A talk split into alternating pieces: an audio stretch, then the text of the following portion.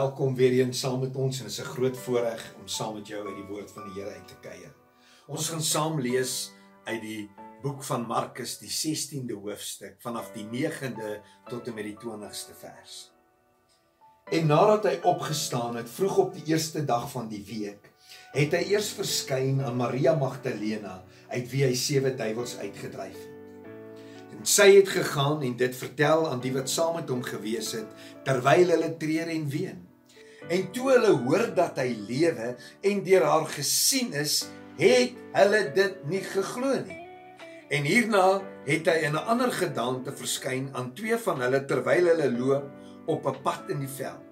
Hulle het ook gegaan en dit aan die ander vertel, maar die het hulle ook nie geglo nie. Later het hy aan die 11 self verskyn toe hulle aan tafel was en hy het hulle hulle ongeloof en hardheid van hart verwyd omdat hulle die wat hom na sy opstanding gesien het nie geglo het nie.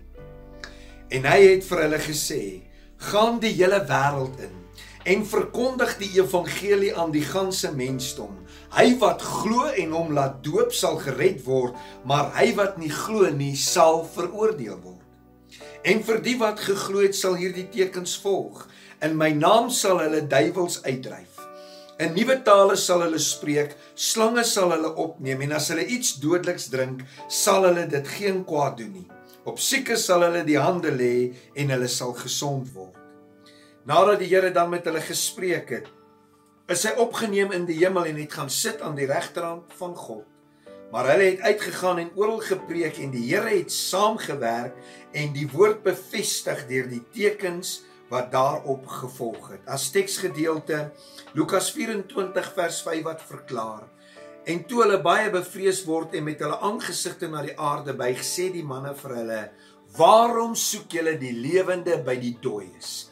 Waarom soek julle die lewende by die dooies?" Ek wil vandag met julle gesels rondom die gedagte van kom verby die ongeloof in hartheid van hart en hoor die hartklop.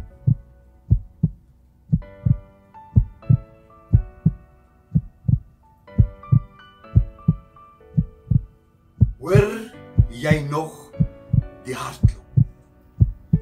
Hoor jy nog die hartklop?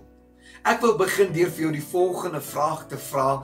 Dink jy die disippels het alles geglo wat Jesus vir hulle gesê het? Alles geglo wat Jesus hulle geleer het? Ja of nee. Markus 9 vers 31 verklaar, want hy het sy disippels geleer en vir hulle gesê dat die seun van die mens word oorgelewer in die hande van die mense en hulle sal hom doodmaak en nadat hy gedood is, sal hy op die 3de dag opstaan.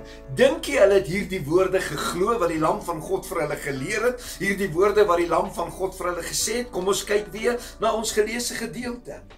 En nadat hy opgestaan het vroeg op die eerste dag van die week, het hy eers verskyn aan Maria Magdalena uit wie hy sewe duiwels uitgedryf het. Sy het gegaan en dit aan hulle vertel terwyl hulle treur en ween en toe hulle hoor dat hy lewe en deur haar gesien is, het hulle dit nie geglo nie.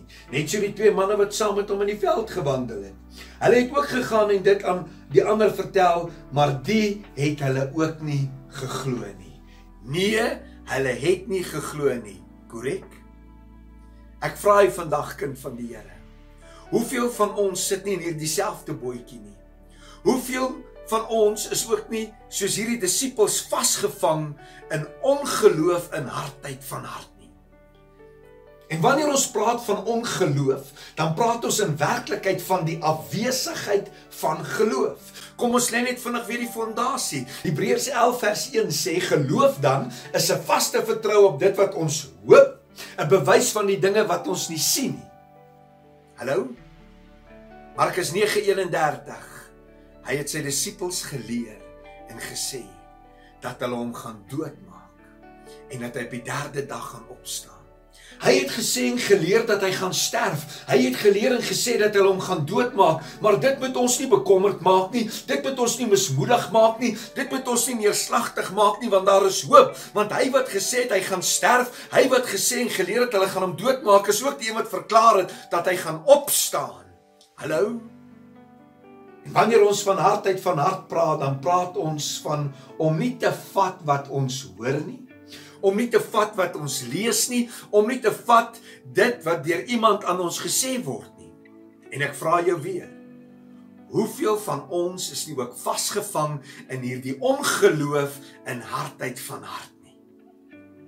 Die woord verklaar my God sal in elke behoefte van jou en my voorsien na die rykdom van sy genade. Glo ons dit. Die woord verklaar werp julle bekommernis op my want ek sorg vir julle. Die woord verklaar ek sal julle nooit begewe en julle nooit verlaat nie. En tog twyfel ons in dit wat God vir ons kom leer en dit wat God vir ons kom sê en daarom vra ek weer eens vir jou. Hoeveel van ons is nie vasgevang in ongeloof en hardheid van hart? Kom vandag verby die ongeloof van hartheid van hart en hoor weer die hartklop. Die hartklop wat sê dit is volbring. Wat spreek van oorwinning, wat spreek van verlossing, wat spreek van bevryding, wat spreek van voorsiening wat vandag vir jou en vir my spreek dat hy kan doen ver bo dit wat u en ek bid of dink. Hoor die hartklop Die hartklop wat sê ek is gister, vandag en tot in alle ewigheid dieselfde. Die hartklop wat sê ek jou God het nie verander nie. Hoe lank nog gaan u en ek die lewende by die dooies soek? Dooies se hartklop nie meer nie. En hoor vandag sy woorde. My hart klop nog. My hart klop nog. Markus 16 vers 14 sê omdat hulle die wat hom na sy opstanding gesien het nie geglo het nie. En wanneer ons praat van verwyd, dan praat ons van berispend, berispend op iemand se fout wys. Met ander woorde, iemand aanspreek of iemand vermaan en ons vermaan die vir wie ons lief is, korrek? En wanneer ons kyk na hierdie verwyd en dit is nou maar my prentjie en dit is nou maar my opinie sien ek hoe Jesus vir hulle sê terwyl hulle daar aan die tafel sit, het julle dan vergeet van die vyf brode en die twee visse? Het julle vergeet van Jairus se dogtertjie? Het julle vergeet toe ons voor Lazarus se graf gestaan het? Het julle vergeet van die duiwels wat ek uitgedryf het? Het julle vergeet van die siekes wat ek genees het? Het julle vergeet dat ek julle geleer het en gesê het dat ek gaan sterf, maar dat ek weer gaan opstaan? Hoe het julle dan so gou vergeet? Wanneer gaan julle glo dit wat ek vir julle sê? My opinie. My vraag aan jou vandag is: Wanneer gaan jy glo wat hy sê? Wanneer gaan jy glo wat in hierdie woord van God staan? Wat hy in hierdie woord vir jou en vir my wil kom leer? Vir jou wat kyk, vir jou wat luister. Wanneer gaan jy besef dat hy is die weg, die waarheid en die lewe? Wanneer gaan jy besef dat die woord van God is 'n werklikheid en 'n realiteit? Wanneer gaan jy besef dat hy werklik omgee? Wanneer gaan jy besef dat hy dat jy vir hom belangrik is? Wanneer gaan jy sy hartklop hoor wat uitroep en sê ek gee om? En afsluiting wil ek die volgende met jou deel. Wat is die gevolg van hulle wat verby die ongeloof en hardheid van hart kom. Wat is die gevolg van hulle wat sy hartklop hoor? Kom ons kyk wat sê die woord. Markus 9 vers 17, 18 en 20. En vir hierdie wat geglo het, vir hierdie wat verby die ongeloof en hardheid van hart gekom het, vir hierdie wat die hartklop hoor, sal hierdie tekens volg. In my naam sal hulle duiwels uitdryf, in nuwe tale sal hulle spreek, slange sal hulle opneem en as hulle iets dodeliks drink, sal dit hulle geen kwaad doen nie. Op siekes sal hulle die hande lê en hulle sal gesond word en die Here sal saamwerk en die woord bevestig deur tekens. Die tyd het aangebreek dat jy weer sy hartklop sal namens my en my vrou wil ons vir baie baie dankie sê dat u na hierdie uitsending gekyk het en ek glo en vertrou dat jy was gestig en bemoedig deur God se woord. As u van hierdie boodskappe gehou het en u meer van dit wil lees, wil u vir ons asseblief op die subscribe knop hier onder druk en dan sal u 'n notifikasie kry sodra ons 'n nuwe boodskap van pastoor Jaco opsit. Sê dat ons is beskikbaar op podcast platform. U kan ook net Jaco van Asweg en daar gaan search en so ook van hierdie boodskappe dan kry.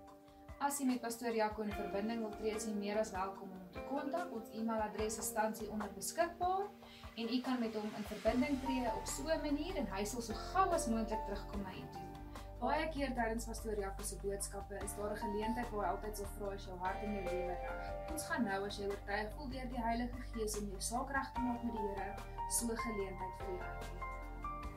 Baie dankie. Die woord van God sê almal het gesondig en dit ontbreek hulle aan die heerlikheid van God.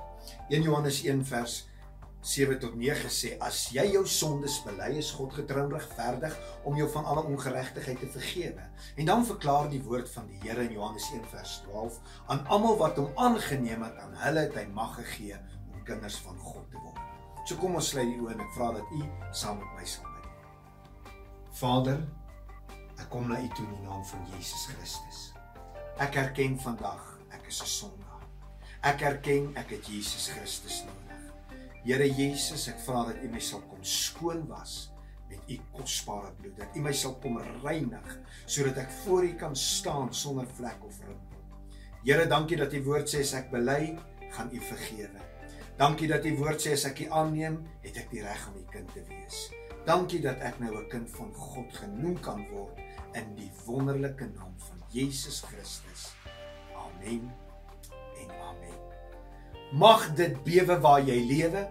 Weet dit, God het jou lief en jy is super special vir die Here.